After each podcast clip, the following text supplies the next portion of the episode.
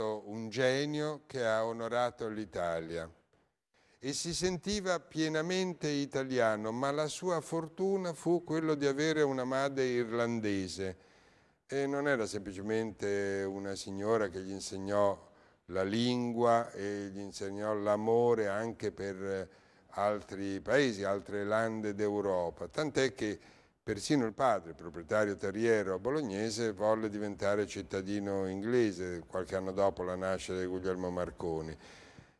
L'Inghilterra fu importante per Guglielmo Marconi perché quando da giovane ebbe le prime intuizioni sulla telegrafia eh, senza fili, quelle che gli avrebbero fatto ottenere il premio Nobel nel 1909, bene, l'Italia fu sorda, reagì facendo spallucce, mh, mm, trascurando come se fosse un pazzo che pensava delle cose impossibili.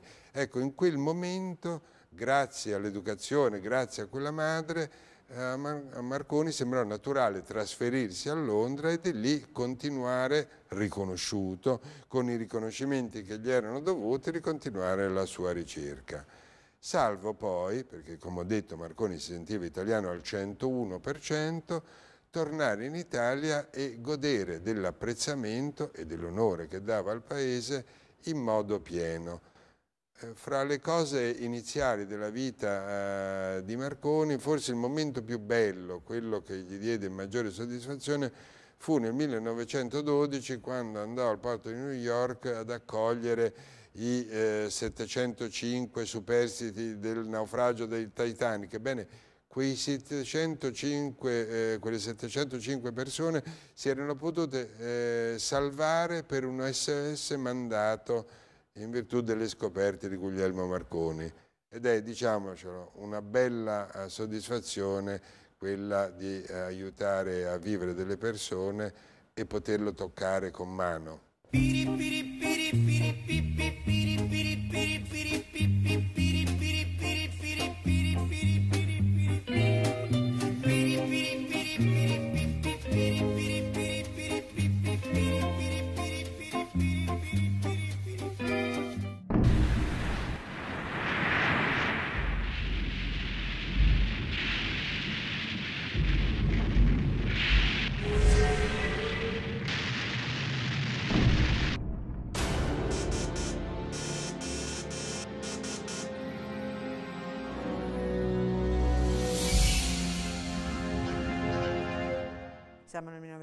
1912, Marconi ha 38 anni ed è tra l'altro in quei giorni da mm, pochissimo arrivato a New York, era stato invitato ehm, al viaggio inaugurale eh, del celebre transatlantico, ma Marconi doveva essere a New York per ragioni di affari.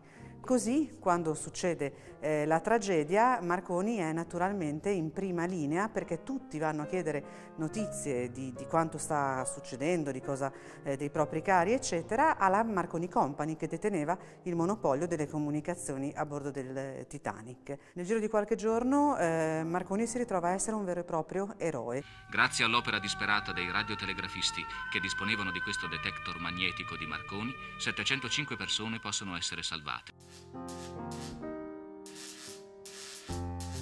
Guglielmo Marconi fu fortunato in due sensi. Il primo perché doveva essere tra gli ospiti di quel grandissimo natante che, si, che salpò appunto dall'Europa in direzione dell'America e non ci fu per motivi di lavoro. Secondo, perché quella tragedia, che per il mondo e per i passeggeri fu una tragedia, per Marconi si rovesciò invece in un evento fortunato, perché da quell'evento sfortunato la radio divenne qualcosa di obbligatorio su tutte le navi.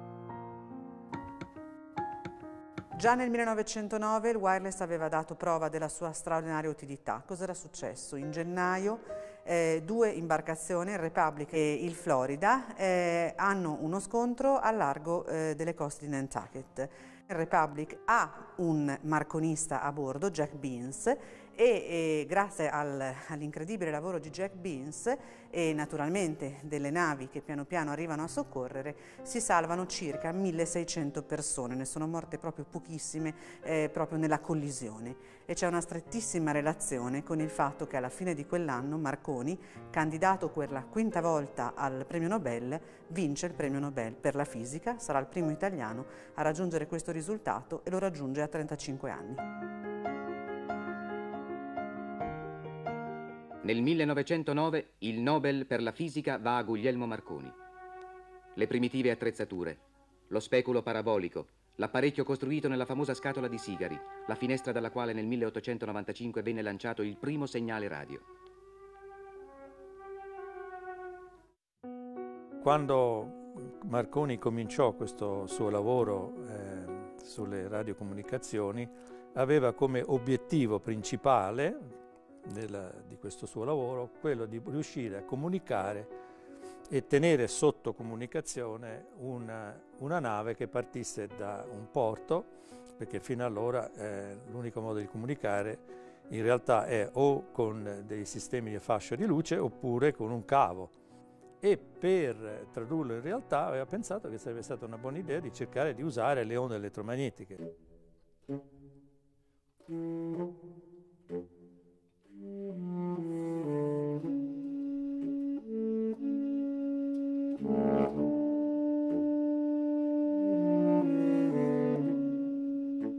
La formazione di Marconi è quella di un outsider, eh, non c'è dubbio che eh, non avviene attraverso percorsi tradizionali, in altre parole Marconi eh, che un po' a scuola va eh, tra Firenze e Livorno non arriva mai eh, a un diploma e tantomeno naturalmente a una laurea, lui che poi riceverà 16 lauree d'onore. Quali sono gli elementi? Innanzitutto una famiglia ehm, che, non, che non gli fa mancare nulla e nello stesso tempo è estremamente concreta e che fa una scelta particolare, investe nel talento di questo ragazzo.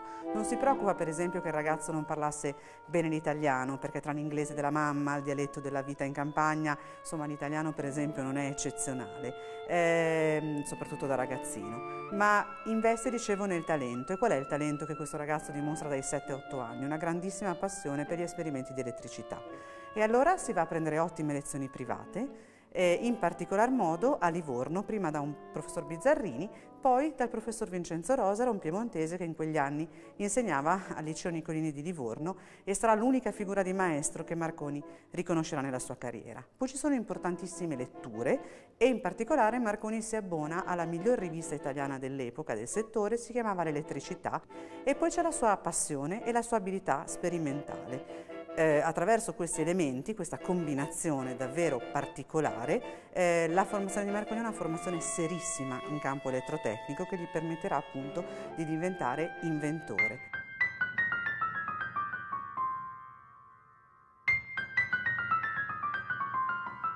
Mi ricordo che mia madre mi raccontò che Daisy Prescott, che era una cugina inglese, era lì eh, alla villa e di notte la svegliò e gli disse vieni Daisy a vedere qualcosa di veramente eccezionale che ho fatto.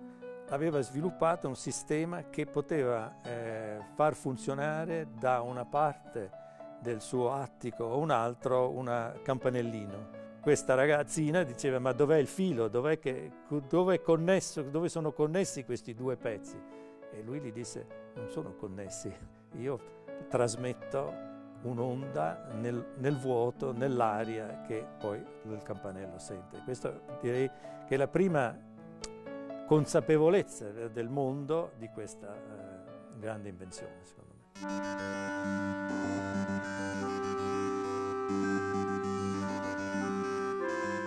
Però è nel 94 a 20 anni che ha l'intuizione fondamentale, ce l'ha proprio qui eh, nella famosa soffitta trasformata a laboratorio all'ultimo piano della Villa Griffone. L'intuizione qual è? È quella di utilizzare le onde elettromagnetiche, che erano il fenomeno eh, più importante, più interessante della fisica di quegli anni, eh, per comunicare a distanza senza l'uso di fili. Marconi aveva preso un sacco di spunti dall'elettricità, sicuramente notizie sugli esperimenti di Hertz, di Righi che in Italia li aveva portati avanti, ma anche eh, proprio il termine telegrafia senza filo veniva usato. Eh, il punto è che nessuno usava un sistema che poteva avere uno sviluppo. Marconi capisce che per riuscire a realizzare un radiosistema ci vuole un'antenna. L'ha perfezionata per tentativi, eh, ho inventato la presa di terra, nel futuro riuscirà a fare gli impianti particolarmente grandi ed efficienti, ma la cosa importante è che se non c'è l'antenna, tutta l'energia che viene generata localmente rimane lì, scalda e non va a grande distanza. 1895. Marconi, assistito dal fratello e dal colono Mignani, riesce a inviare e a far ricevere un segnale telegrafico senza l'aiuto di un filo attraverso l'aria da Villa Grifone a un punto situato oltre la collina dei Celestini, a circa un chilometro di distanza. Il signorino mi disse, lo vedi questo martelletto? Se lo senti battere tre volte, tu spari un colpo di fucile in aria. Allora io rimasi dall'altra parte della collina e quando il martelletto picchiò tre volte, sparai il colpo di fucile in aria.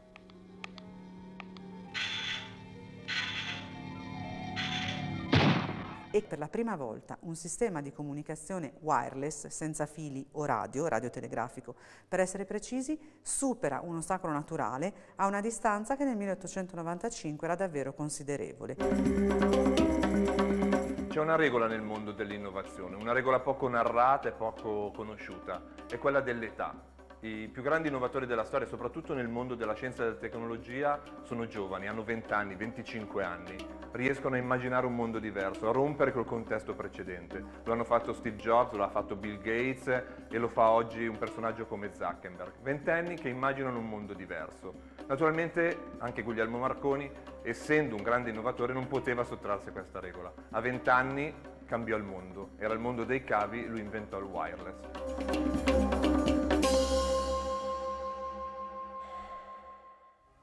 In famiglia non si capisce granché dell'esperimento.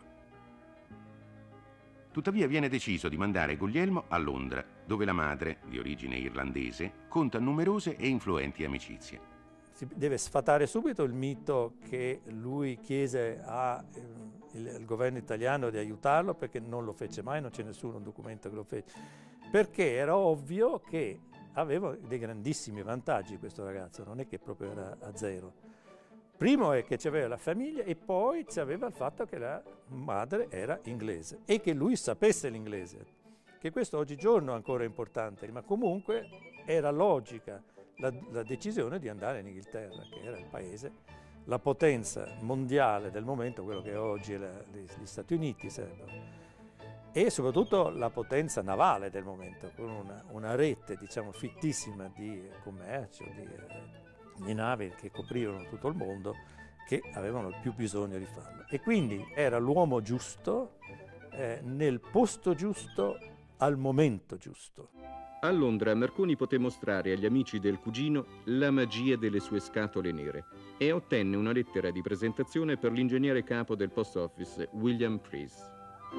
E il momento giusto era perché proprio in quel momento Preece aveva deciso che il suo sistema di comunicazione, di telecomunicazione, non aveva funzionato, non avrebbe funzionato e quindi rimaneva a, all'asciutto. E quindi questo signore è arrivato nel momento migliore perché lui potesse dire ah magnifico, proviamo se questo sistema funziona, diamogli il, tutto il supporto tecnico e vediamo cosa succede.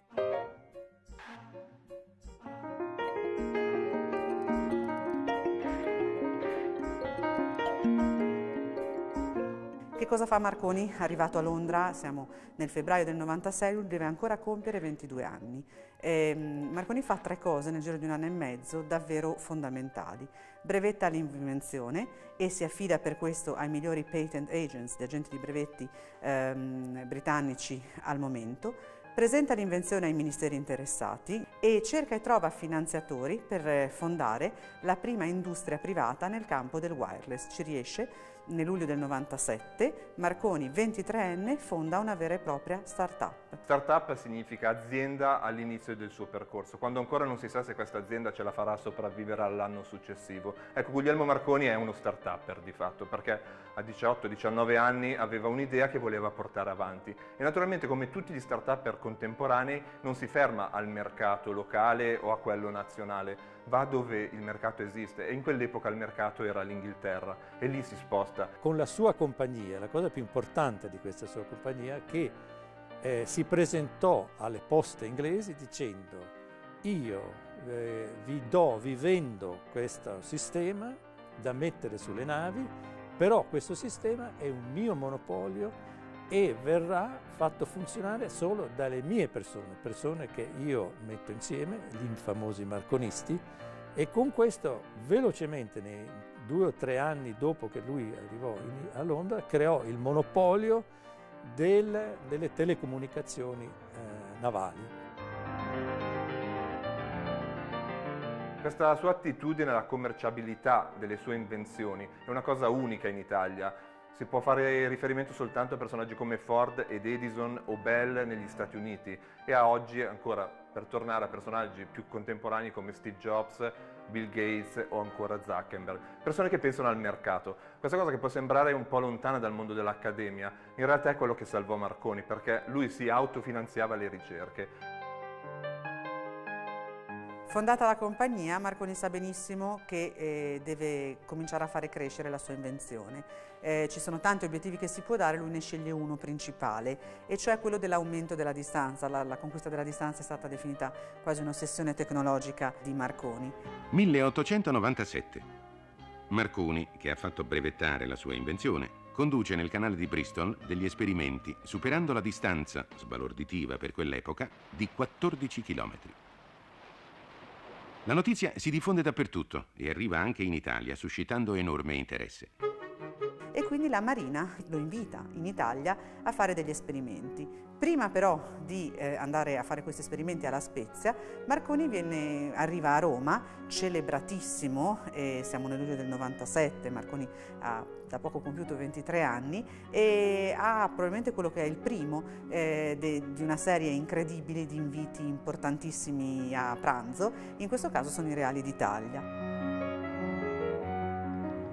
Gli esperimenti misero in grado la Marina italiana di acquisire una preziosa esperienza nel settore delle comunicazioni elettromagnetiche a distanza, terra-mare, che permise di creare in pochi anni una efficiente rete di stazioni rice trasmittenti. Un altro esempio di come Marconi cercasse di far penetrare le sue invenzioni nella società dell'epoca è quello delle regate. Nel 1898 in Irlanda e poi nel 1899 negli Stati Uniti durante l'American's Cup si rese conto che la sua tecnologia, il wireless, poteva seguire in tempo reale le regate, che naturalmente non ha nessuna valenza scientifica, ma una grandissima valenza di risonanza mediatica. Marconi si sentì pronto a sfidare gli Stati Uniti dove vari competitori lavoravano per sviluppare la radiotelegrafia. L'inventore italiano ebbe il suo nome nei titoli dei giornali ed egli siglò le notizie di un avvenimento sportivo importantissimo, la regata Coppa America 1899. Da un rimorchiatore egli inviò la cronaca istantanea al New York Herald.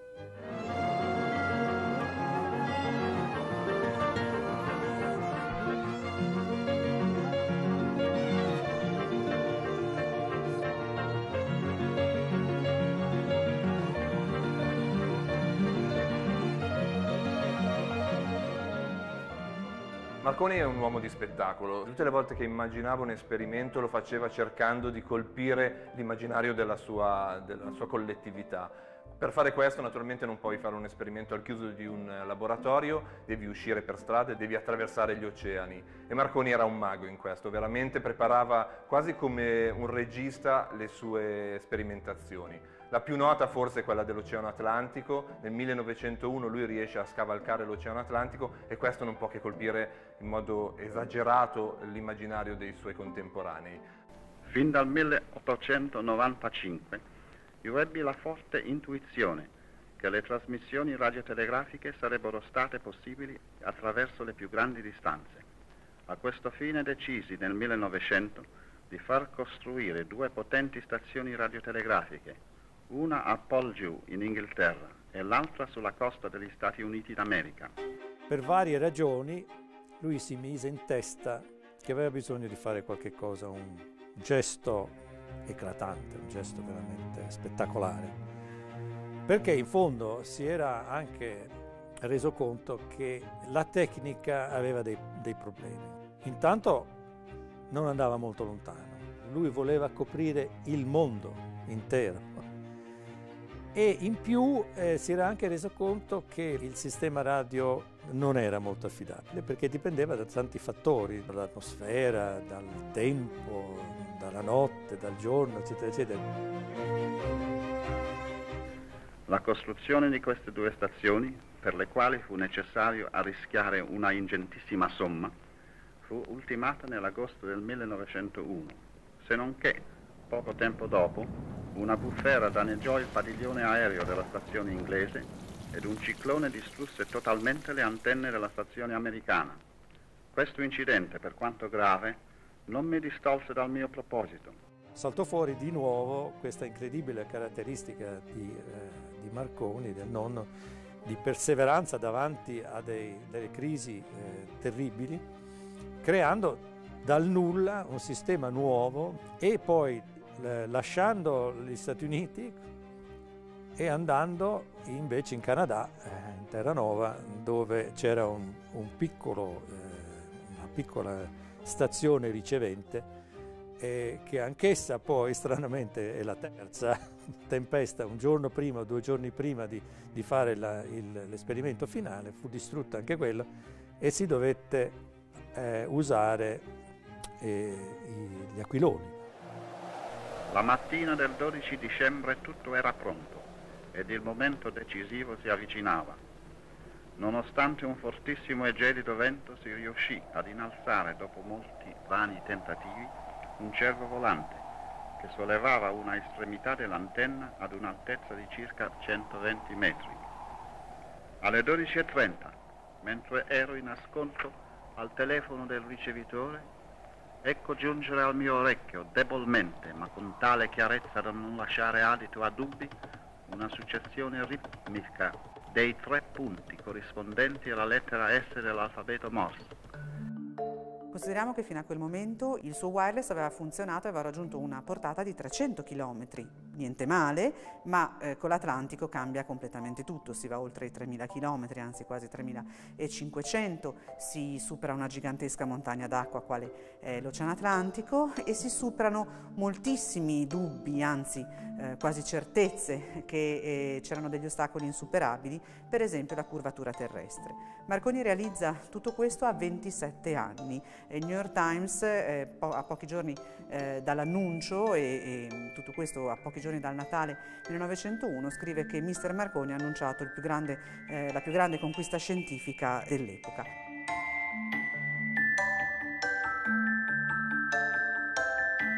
La mia vita, il mio stipendio, tutto è basato sul fatto che le equazioni di Maxwell sono vere, si utilizzano ancora oggi, le adoperiamo per fare tutti i tipi di progetti.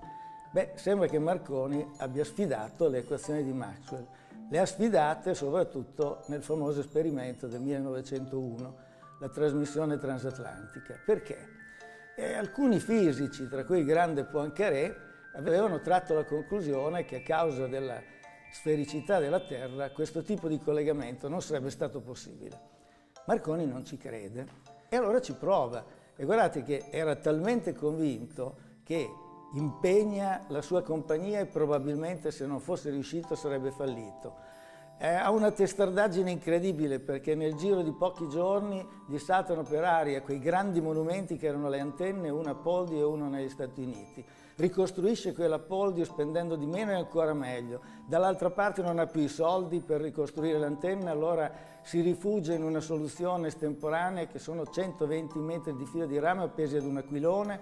Alla fine riesce a ricevere questo segnale che periodicamente veniva eh, emesso dalla stazione di Poldio, riesce a riceverlo a San Giovanni di Terranova.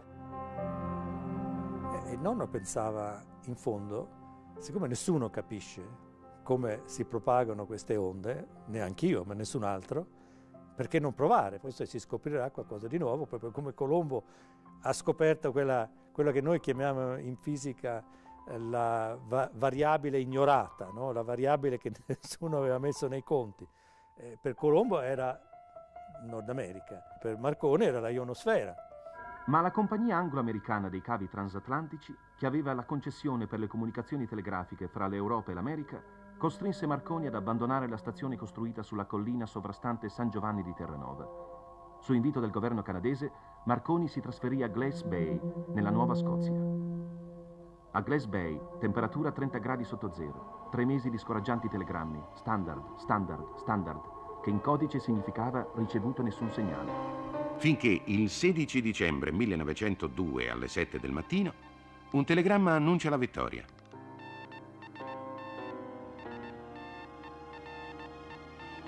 A Poldu sono arrivati chiari tutti i segnali.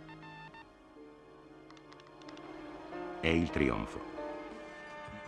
Edison dichiara, questo giovanotto mantiene più di quanto promette. Tutto il mondo si inchina al genio del giovane scienziato questa sua insistenza su questo obiettivo di, di, riuscire a comunicare nel modo migliore possibile attraverso le onde elettromagnetiche era una dote diciamo, di un imprenditore, di, di un innovatore, diciamo, ma non di uno scienziato. Lo scienziato avrebbe detto sì, adesso so che si propagano, cerco di capire perché si propagano in questo modo. No? E, e, e, allora lui era sempre considerato mh, diverso dagli scienziati. In realtà lui è molto più interessato al prodotto che non all'accademia, all'articolo scientifico che lo renderà celebre solo nella nicchia appunto degli scienziati. E questo lo ripete tutte le volte che può, tutte le volte che fa una conferenza ci tiene a raccontare che lui è un imprenditore, che lui guarda il mercato e che lui guarda il prodotto e che non può spendere soldi per fare altro. E si vede proprio come lui sprema la scienza non tanto per capire le leggi alla base di, di, di quello che lui sta studiando, ma più che altro per farla funzionare. Come mai l'esperimento è riuscito?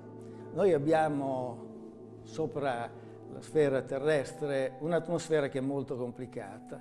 La parte più elevata, che si chiama ionosfera, riesce in qualche modo a rimandare a certe frequenze le onde elettromagnetiche verso il basso, le curva, le riflette ed è questo il motivo per cui Marconi, lanciando verso l'alto i suoi segnali, è riuscito a superare questo grande ostacolo che era la, la sfericità della Terra con l'Oceano Atlantico di mezzo.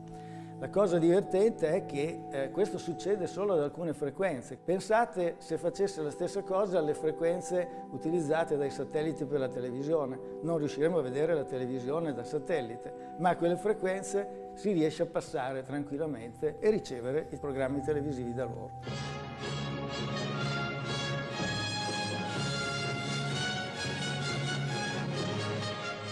Quando parlo di Marconi mi viene in mente Steve Jobs. Nella presentazione dei suoi eventi Steve Jobs aveva un'attenzione maniacale. Quando saliva sul palco è come se salisse su un palco di un teatro per presentare la sua opera. Ma Marconi non si ferma lì. Tutte le volte, anche prima di diventare il Marconi Premio Nobel, che deve fare un esperimento, lo fa eh, invitando i più grandi personaggi dell'epoca, dai suoi potenziali clienti ai giornalisti più influenti. Questa cosa che sembra una banalità per un uomo di di fisica e di scienza in realtà per un uomo di mercato è fondamentale perché è lì in quel momento che la stampa, i potenziali finanziatori e i tuoi clienti hanno la massima attenzione, lì non puoi sbagliare e Marconi non sbagliava. Per anni si vide Marconi su una nave, sul mare. Perché? Perché la sua scoperta era stata soprattutto questo, un modo quasi miracoloso di spezzare la millenaria solitudine dell'uomo in mare. Nei primi vent'anni della telegrafia senza fili si stima che centinaia di migliaia di persone dovettero la vita a Marconi. Nel dicembre 1914 eh, si compie il primo passo per l'entrata eh, nella vita pubblica italiana di Marconi. Viene nominato, avendo compiuto da poco 40 anni, senatore del Regno. Sarà soltanto il primo passo, perché poi scoppia la guerra e Marconi sarà impegnato attivamente per le comunicazioni radiotelegrafiche nell'esercito. Forse è il caso di dire che Marconi già dal 1902, quindi da molti anni prima, aveva concesso all'Italia, unica nazione, eh, l'uso eh, gratuito dei propri brevetti per applicazioni militari. Ricordo molto bene un giorno nel 1918, era in novembre, quando mio padre mi chiamò e eh, salì le scale per andare dove lui aveva tutte le sue attrezzature e dopo un po' eh, mio padre si è alzato con grande eccitazione sventolando un pezzo di, di carta dicendo il Kaiser ha abdicato e ricordo anche di avergli chiesto ma che cosa vuol dire? Dice è la fine della guerra. Eravamo le uniche persone in tutta Roma che sapevamo della fine della guerra. Alla conferenza della pace, insediatasi a Versaglia, in una reggia dei re di Francia, l'Italia si è trovata isolata. Sono tornati a porsi problemi che si credevano risolti. Marconi eh, fece parte della delegazione italiana che andò a discutere le, le, condizioni di pace. Si sa bene che le cose per l'Italia non andarono bene e Marconi ne uscì estremamente deluso. I lavori dell'Assemblea sono dominati dalla figura del presidente americano. Le generose ma astratte enunciazioni, in nome delle quali l'America è entrata in guerra, conferiscono un'aureola messianica al rappresentante del paese che ha dato un contributo decisivo alla vittoria. Non c'è rivendicazione politica che non si faccia sentire in queste sale dove si rinnova la carta del mondo. E Orlando siede tra i quattro grandi, ma nell'aprile abbandona i lavori della conferenza in segno di protesta. Ai nostri fermi richiami per il rispetto dei patti, Wilson ha opposto un suo personale appello al popolo italiano e nega ogni nostro diritto su Fiume e la Dalmazia. Gli italiani hanno il senso di essere stati traditi a Versailles. A un certo momento Marconi si rende conto, sentendo cose che erano accadute nel mondo dei radioamatori, sempre importantissimo, che invece si riuscivano a fare grandi distanze con delle frequenze molto molto più elevate. Insomma si apre un altro mondo che Marconi comprende così bene da costringere la sua compagnia a cambiare completamente pagina, voltare pagina e dalle onde lunghe passare a queste che sono chiamate le onde corte. È un cambiamento tecnologico e industriale fortissimo che solo un Marconi che era assieme scienziato, imprenditore e inventore poteva portare avanti in quel momento. Marconi, stando a Genova, ebbe l'idea, durante la Prima Guerra Mondiale, di fare un passaggio decisivo, quello che noi marinai chiamiamo un colpo di timone.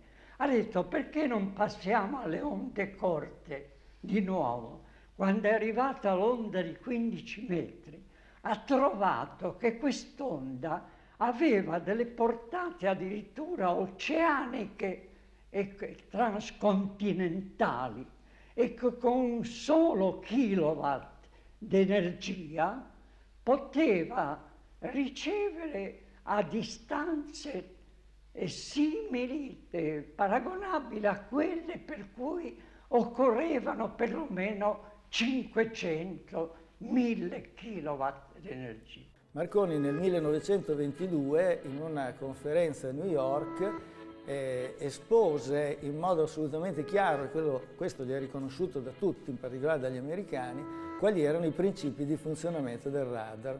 Poi si rese conto sperimentalmente che queste cose a frequenze elevate potevano funzionare quando stava facendo il collaudo del ponte radio microonde tra il Vaticano e Castel Gandolfo.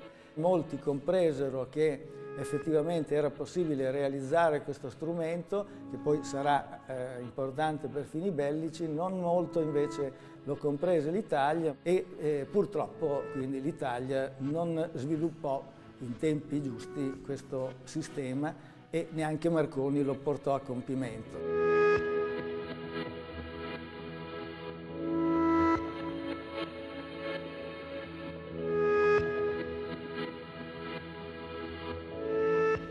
Osservazioni sul radar Marconi le fece presenti anche delegati delle forze armate, fra i quali anch'io, le fece in una stazione del Consiglio delle Ricerche che era stata sistemata al Capo Linaro di Civitavecchia.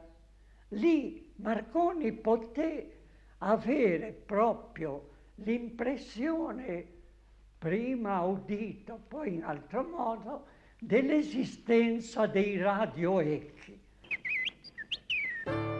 Al termine della Prima Guerra Mondiale eh, avviene uno sviluppo fondamentale nella storia delle radiocomunicazioni, vale a dire nasce la radiofonia, il broadcasting, la radio come principalmente eh, la intendiamo oggi. Eh, Marconi di quel, di quel, fondamentale sviluppo è protagonista da un punto di vista eh, industriale e imprenditoriale, molto più che da un punto di vista scientifico.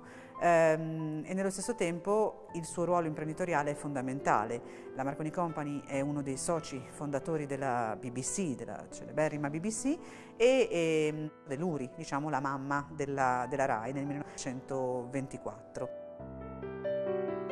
Come si era passati dalla telegrafia senza fili, dalla trasmissione di un segnale telegrafico, a quella della voce umana? La radio non sarebbe mai nata senza Lee De Forest, americano, e il suo triodo che permetteva l'amplificazione di un segnale. È con il triodo di De Forest che fu possibile trasmettere non solo segnali migliori, ma addirittura la stessa voce umana. La radio questo straordinario mezzo di comunicazione entrava a far parte della vita quotidiana. Quanti pensieri scuri negli occhi chiari. Perché, perché tu non ci sei tornata?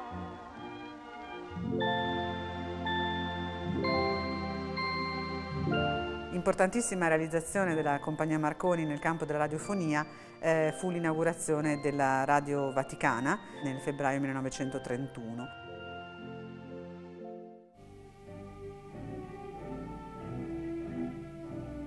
Alle ore 16.30 di quel giorno Pio XI, pontefice aperto alle scoperte della scienza e consapevole dell'importanza dei nuovi mezzi di comunicazione sociale, inaugura gli impianti della stazione trasmittente realizzati dall'inventore stesso della radio, Guglielmo Marconi. Di ciò esprimo la mia profonda riconoscenza alla santità vostra. Vostra santità ha altresì permesso che si faccia qui una serie di esperienze che ho in mente di eseguire. Anche di questo esprimo la mia viva e particolare gratitudine alla santità vostra possa anche la mia piccola opera, tutta data a facilitare le comunicazioni tra le genti, contribuire al raggiungimento della vera pace cristiana tra tutti i popoli.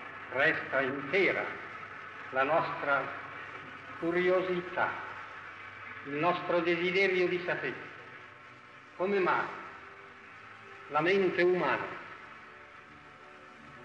veda, per così dire, veda d'una visione così distinta misuri con misurazioni così esatte quello che l'occhio non vede e che la mano non raggiunge.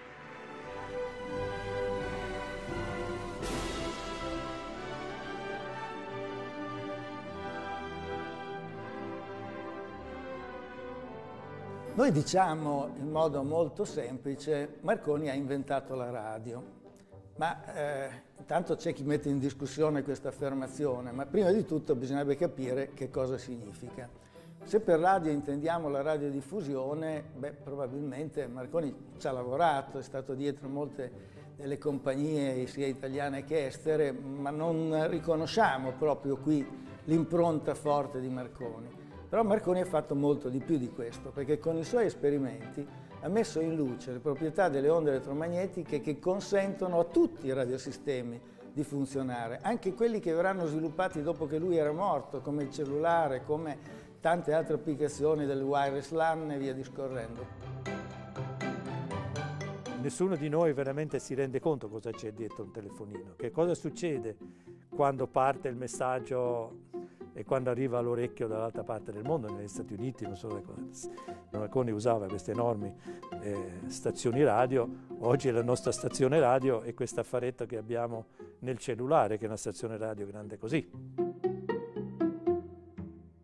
Guglielmo Marconi è assolutamente un personaggio che dobbiamo tornare a raccontare. È un personaggio moderno, contemporaneo, ma non dobbiamo ricordarlo come il vecchio inventore della radio, ma come un imprenditore che ha inventato il wireless, una tecnologia che usiamo ovunque. Lo usiamo sui cellulari, lo usiamo nella televisione, lo usiamo nei caselli delle autostrade, lo usiamo per le comunicazioni satellitari. Il wireless è connettività. Marconi ha inventato uno dei primi dispositivi tecnologici per connettere le persone e in questo senso è grandioso, sia come scienziato che come imprenditore.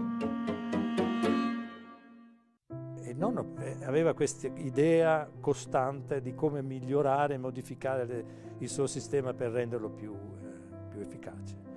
E d'altra parte voleva anche, aveva questa, chiamiamola snobberia, non so che cosa, di, di vivere tra i nobili, i potenti di questo mondo e a quell'epoca era così importante conoscere i nobili e conoscere queste persone. Quindi lui era, in fondo, cercava moltissimo di essere preso in considerazione da, questa, da questo tipo di società. Tant'è vero che eh, sposò una, una, discendente dal primo, primo re di, d'Irlanda, mia nonna.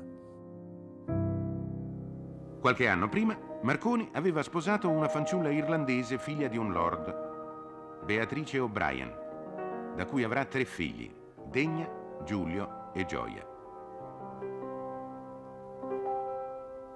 Parlando della personalità di Marconi, eh, bisogna pensare che è una personalità molto complessa, piena di contraddizioni, di contrasti, diciamo. Chi lo vedeva come un uomo freddo e, e scostante, chi invece lo vedeva come un uomo molto eh, aperto, sorridente. Per esempio mia nonna mi raccontava che eh, la trascinava a delle opere. Lei stava in prima fila a godersi l'opera, mentre lui stava dietro nella parte buia a ripassarsi le note, diciamo, eh, di come poteva migliorare i suoi apparecchi, come cambiare qui, cosa fare là, cosa doveva dire ai suoi ingegneri, eccetera, eccetera. Quindi mia nonna era un po', come posso dire, un po' scocciata da questa cosa che in effetti eh, la loro vita era, passava sempre costantemente da queste due mh, dimensioni della, della, sua personalità. Lei era, era un irlandese che amava diciamo, l'italiano passionale, voleva incontrare l'italiano, no? non so come si dice, eh, e invece aveva trovato questo italiano molto, molto difficile, molto freddo in tante occasioni, molto difficile che la trattava male, eccetera, eccetera. E lei per vent'anni ha subito, subito, subito tutte queste cose e poi a un certo punto divorziò da Marconi e nel momento, questo me lo diceva sempre mia madre, quando lui decise di eh, chiudere la casa che aveva appena comprato a Roma, in cui la famiglia finalmente si trovava nel posto giusto, per eh, trasferirsi sull'Elettra. E allora lei ha detto, beh basta, io non è che posso andare a vivere sull'Elettra con tre figli, bisogna che stia qua e quindi decise di, si decisero di però è stato, è stato un, un trauma grosso per tutte e due, effettivamente. Finita la guerra, Marconi, sentendosi marinaio, come spesso ripeteva, decise di trasferirsi definitivamente sul mare. Gli inglesi gli fecero avere a buon prezzo un panfilo costruito in Scozia per un arciduca d'Austria e diventato preda di guerra. Marconi avrebbe voluto chiamarlo Scintilla, ma gli inglesi non avrebbero mai potuto pronunziare correttamente quel nome e allora lo battezzò Elettra. Fu la sua casa e il suo laboratorio.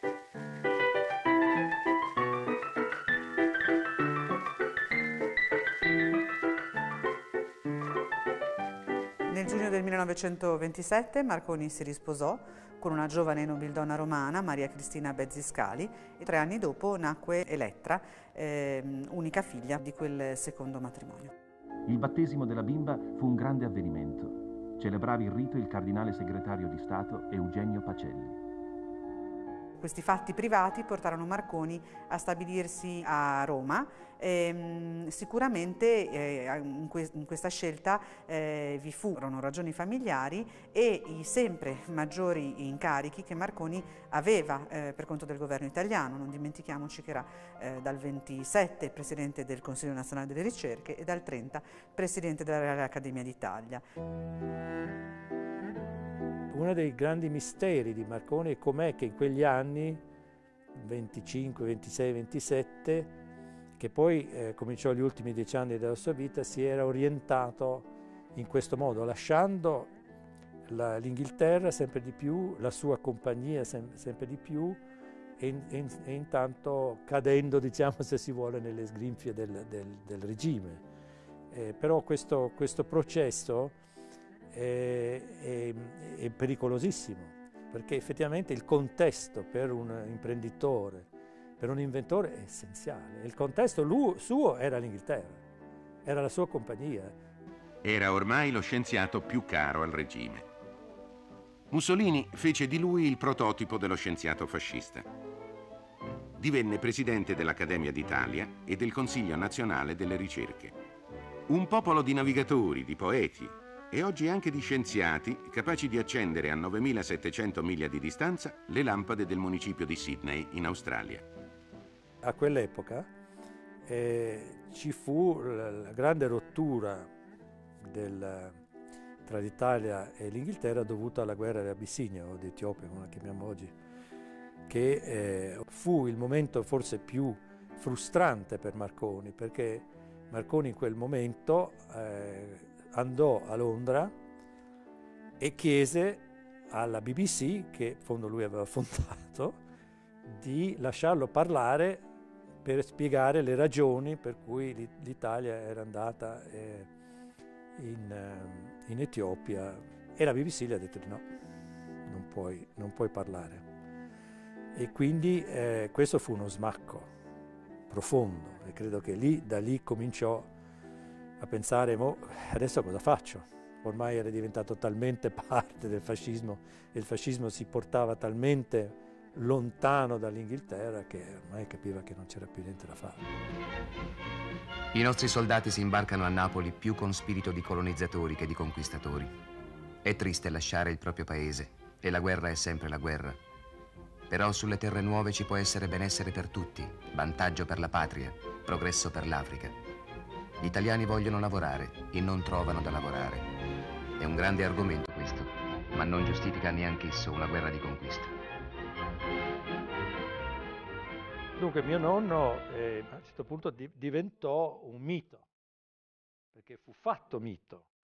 Eh, tutti lo chiamarono il dominatore degli spazi, il mago dell'etere, tutte queste, queste cose roboanti, diciamo, che penso che a lui facesse anche piacere, non è un uomo come tutti gli altri, questa adulazione, che aveva ovviamente anche un fine dal punto di vista de, del regime, ovviamente usare questa persona eh, come anche ambasciatore, intanto bisogna pensare che l'Italia nel torno al 34-35 era molto isolata. Invece Marconi rappresentava un ambasciatore diciamo, globale, conosciuto in tutto il mondo, era forse uno dei pochi italiani viventi che erano così conosciuti, forse eh, anche di più di Mussolini, e più rispettato, forse di più di tutti. E quindi era usato così e, e, si, e si capiva che questo mia madre me lo diceva spesso perché lo vedeva spesso stranamente, si vedevano spesso eh, in casa, che lo trovava ehm, nervoso, preoccupato, ehm, che non era sicuro di sé più, proprio perché in fondo aveva, eh, aveva tagliato le sue, le sue, origini, aveva tagliato tutto quello che era stato la sua vita fino, a, fino allora, una vita di avventura, di, eh, di interessi continui, di movimento. Si era un po' fossilizzato, diciamo, e lo vedi dalle fotografie, tutto vestito così, tutto, anche quando fa dei discorsi all'Accademia, fa discorsi noiosissimi di, di circostanza con accanto Mussolini, eccetera. Molto bene per la sua immagine, ma pessima per la sua psiche, secondo me. Marconi morì nel 1937 a Roma, subito dopo la campagna di Abissinia. Quella campagna che egli non era mai riuscito a spiegare ai suoi amici inglesi e forse nemmeno a se stesso.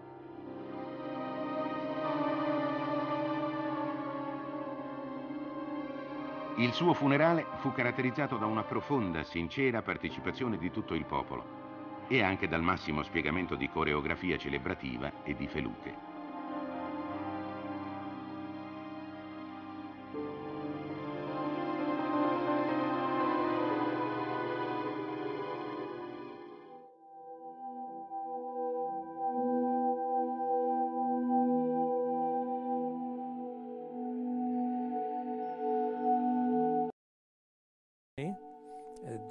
felute. comunicazioni via radio ci permettono di sapere cosa è successo nel primo secondo dell'universo. Perché noi, captando le onde radio, delle microonde, che provengono da tutto l'universo, che sono però iniziate al Big Bang, Noi sappiamo cosa è successo nel primo secondo dell'universo e anche prima. Questo è veramente eccitante. Se si pensa che queste misure delle microonde non sono fatte da terra, perché non, non, non si può, sono fatte dal satellite, da un satellite che, che guarda il cielo. Però come si mandano i dati del telescopio, degli strumenti che sono qui, a terra? Con le onde elettromagnetiche, con le onde radio, non c'è niente da fare. Ad esempio ultimamente si è mandata una sonda su Marte che è tutta controllata da terra. Io al JPL, a Caltech in California, ho visto la stanza dove c'è il guidatore, l'autista eh, del SUV che sta adesso muovendosi sulla superficie di Marte.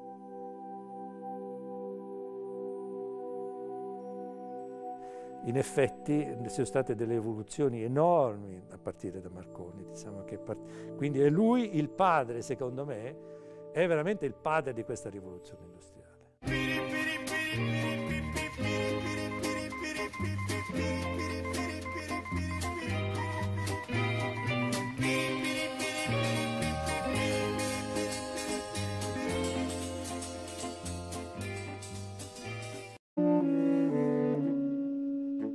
La formazione di Marconi è quella di un outsider, eh, non c'è dubbio che eh, non avviene attraverso percorsi tradizionali, in altre parole Marconi eh, che un po' a scuola va eh, tra Firenze e Livorno non arriva mai eh, a un diploma e tantomeno naturalmente a una laurea, lui che poi riceverà 16 lauree d'onore. Quali sono gli elementi? Innanzitutto una famiglia ehm, che, non, che, non, gli fa mancare nulla e nello stesso tempo è estremamente concreta e che fa una scelta particolare, investe nel talento di questo ragazzo. Non si preoccupa per esempio che il ragazzo non parlasse bene l'italiano perché tra l'inglese della mamma, il dialetto della vita in campagna, insomma l'italiano per esempio non è eccezionale, ehm, soprattutto da ragazzino ma investe, dicevo, nel talento. E qual è il talento che questo ragazzo dimostra dai 7-8 anni? Una grandissima passione per gli esperimenti di elettricità. E allora si va a prendere ottime lezioni private, eh, in particolar modo a Livorno, prima da un professor Bizzarrini, poi dal professor Vincenzo Rosara, un piemontese che in quegli anni insegnava al liceo Nicolini di Livorno e sarà l'unica figura di maestro che Marconi riconoscerà nella sua carriera. Poi ci sono importantissime letture e in particolare Marconi si abbona alla miglior rivista italiana dell'epoca del settore, si chiamava L'Elettricità e poi c'è la sua passione e la sua abilità sperimentale eh, attraverso questi elementi, questa combinazione davvero particolare, eh, la formazione di Marconi è una formazione serissima in campo elettrotecnico che gli permetterà appunto di diventare inventore.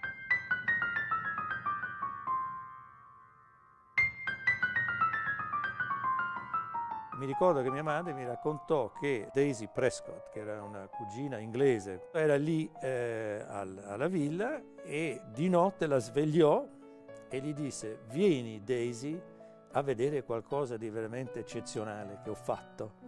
Aveva sviluppato un sistema che poteva eh, far funzionare da una parte del suo attico a un altro un campanellino. Questa ragazzina diceva ma dov'è il filo, dov'è che, dove, connesso, dove sono connessi questi due pezzi?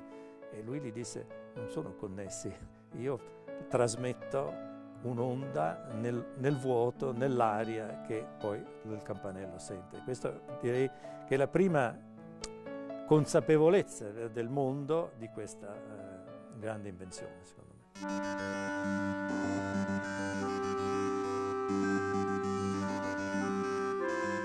Però è nel 94 a 20 anni che ha l'intuizione fondamentale, ce l'ha proprio qui eh, nella famosa soffitta trasformata a laboratorio all'ultimo piano della Villa Griffone. L'intuizione qual è? È quella di utilizzare le onde elettromagnetiche, che erano il fenomeno eh, più importante, più interessante della fisica di quegli anni, eh, per comunicare a distanza senza l'uso di fili. Oggigiorno è ancora importante, ma comunque era logica la, la decisione di andare in Inghilterra, che era il paese, la potenza mondiale del momento, quello che oggi la, gli Stati Uniti sarebbero e soprattutto la potenza navale del momento, con una, una rete diciamo, fittissima di commercio, di, di, navi che coprivano tutto il mondo, che avevano più bisogno di farlo. E quindi era l'uomo giusto, eh, nel posto giusto, al momento giusto.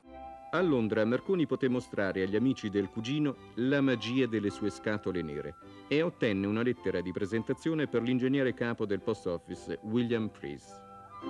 E il momento giusto era perché proprio in quel momento Preece aveva deciso che il suo sistema di comunicazione, di telecomunicazione, non aveva funzionato, non avrebbe funzionato e quindi rimaneva all'asciutto e quindi questo signore è arrivato nel momento migliore perché lui potesse dire ah magnifico proviamo se questo sistema funziona diamogli il, tutto il supporto tecnico e vediamo cosa succede.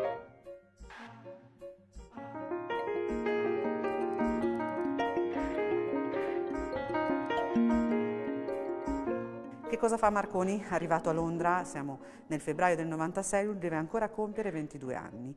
E, ehm, Marconi fa tre cose nel giro di un anno e mezzo davvero fondamentali. Brevetta l'invenzione e si affida per questo ai migliori patent agents, gli agenti di brevetti ehm, britannici al momento, presenta l'invenzione ai ministeri interessati e cerca e trova finanziatori per fondare la prima industria privata nel campo del wireless. Ci riesce nel luglio del 97, Marconi, 23enne, fonda una vera e propria start-up. Start-up significa azienda all'inizio del suo percorso, quando ancora non si sa se questa azienda ce la farà sopravvivere all'anno successivo. Ecco, Guglielmo Marconi è uno start-upper di fatto, perché a 18-19 anni aveva un'idea che voleva portare avanti. E naturalmente, come tutti gli start-upper contemporanei, non si ferma al mercato locale o a quello nazionale, va dove il mercato esiste e in quell'epoca il mercato era l'Inghilterra e lì si sposta. Con la sua compagnia, la cosa più importante di questa sua compagnia è che eh, si presentò alle poste inglesi dicendo io eh, vi do, vi vendo questo sistema da mettere sulle navi, però questo sistema è un mio monopolio e verrà fatto funzionare solo dalle mie persone, persone che io metto insieme, gli famosi marconisti, e con questo velocemente, nei due o tre anni dopo che lui arrivò in, a Londra, creò il monopolio del, delle telecomunicazioni eh, navali. Questa sua attitudine Marconi aveva preso un sacco di spunti dall'elettricità, sicuramente notizie sugli esperimenti di Hertz, di Righi che in Italia li aveva portati avanti, ma anche eh, proprio il termine telegrafia senza filo veniva usato. Eh, il punto è che nessuno usava un sistema che poteva avere uno sviluppo. Marconi capisce che per riuscire a realizzare un radiosistema ci vuole un'antenna. L'ha perfezionata per tentativi, eh, ho inventato la presa di terra, nel futuro riuscirà a fare gli impianti particolarmente grandi ed efficienti, ma la cosa importante è che se non c'è l'antenna, tutta l'energia che viene generata localmente rimane lì, scalda e non va a grande distanza. 1895. Marconi, assistito dal fratello e dal colono Mignani, riesce a inviare e a far ricevere un segnale telegrafico senza l'aiuto di un filo attraverso l'aria da Villa Grifone a un punto situato oltre la collina dei Celestini, a circa un chilometro di distanza. Il signorino mi disse, lo vedi questo martelletto? Se lo senti battere tre volte, tu spari un colpo di fucile in aria. Allora io rimasi dall'altra parte della collina e quando il martelletto picchiò tre volte, sparai il colpo di fucile in aria.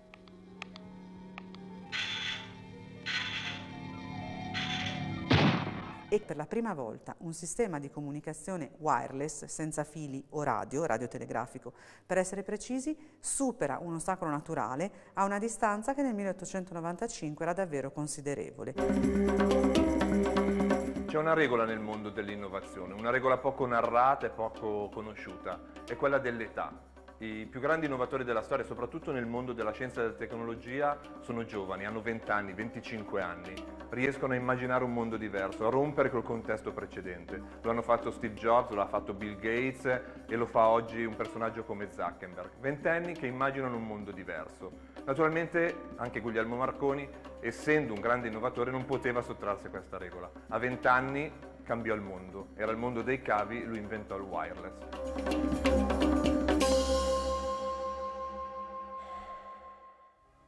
In famiglia non si capisce granché dell'esperimento. Tuttavia viene deciso di mandare Guglielmo a Londra, dove la madre, di origine irlandese, conta numerose e influenti amicizie.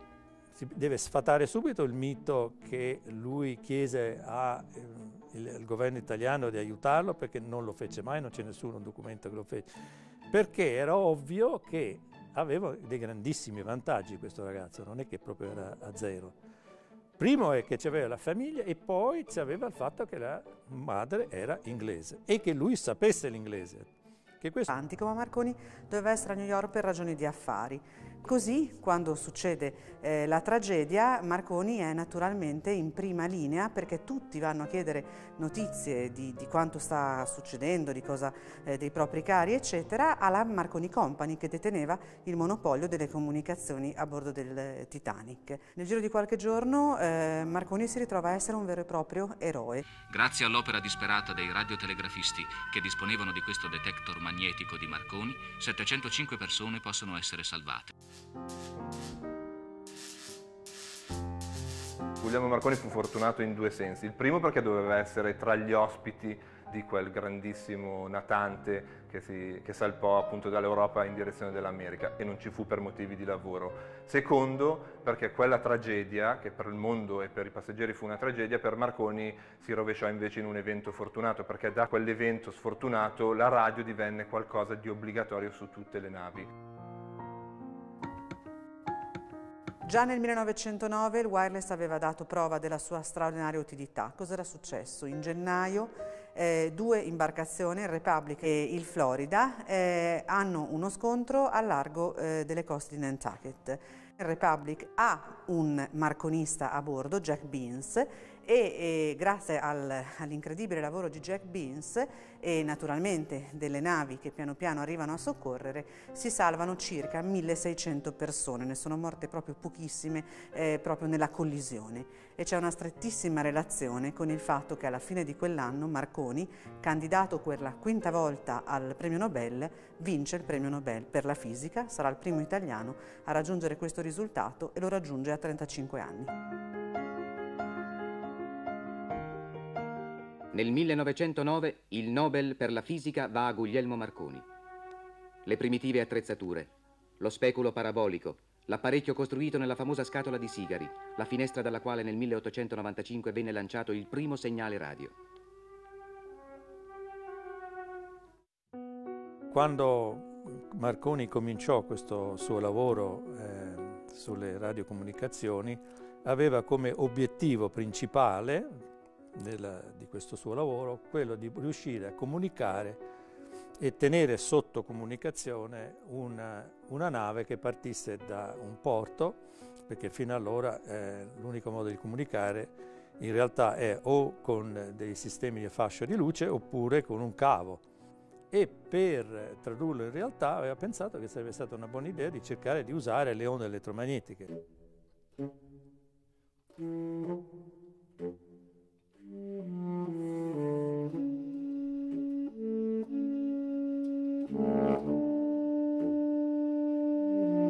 Genio che ha onorato l'Italia.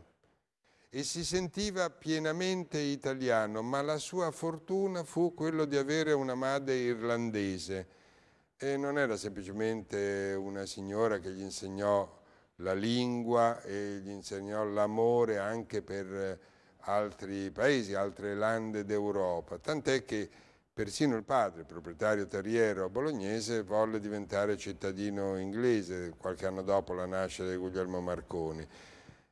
L'Inghilterra fu importante per Guglielmo Marconi perché quando da giovane ebbe le prime intuizioni sulla telegrafia eh, senza fili, quelle che gli avrebbero fatto ottenere il premio Nobel nel 1909, bene, l'Italia fu sorda, reagì facendo spallucce, mm, trascurando come se fosse un pazzo che pensava delle cose impossibili. Ecco, in quel momento, grazie all'educazione, grazie a quella madre, eh, a Marconi sembrò naturale trasferirsi a Londra e di lì continuare, riconosciuto, con i riconoscimenti che gli erano dovuti, di continuare la sua ricerca salvo poi, perché come ho detto Marconi si sentiva italiano al 101%, tornare in Italia e godere dell'apprezzamento e dell'onore che dava al paese in modo pieno. Eh, fra le cose iniziali della vita eh, di Marconi, forse il momento più bello, quello che gli diede maggiore soddisfazione, fu nel 1912 quando andò al porto di New York ad accogliere i eh, 705 superstiti del naufragio del Titanic. Ebbene, 705, eh, quelle 705 persone si erano potute eh, salvare per un SS mandato in virtù delle scoperte di Guglielmo Marconi. Ed è, diciamocelo, una bella eh, soddisfazione quella di eh, aiutare a vivere delle persone e poterlo toccare con mano. Piri, piri, piri,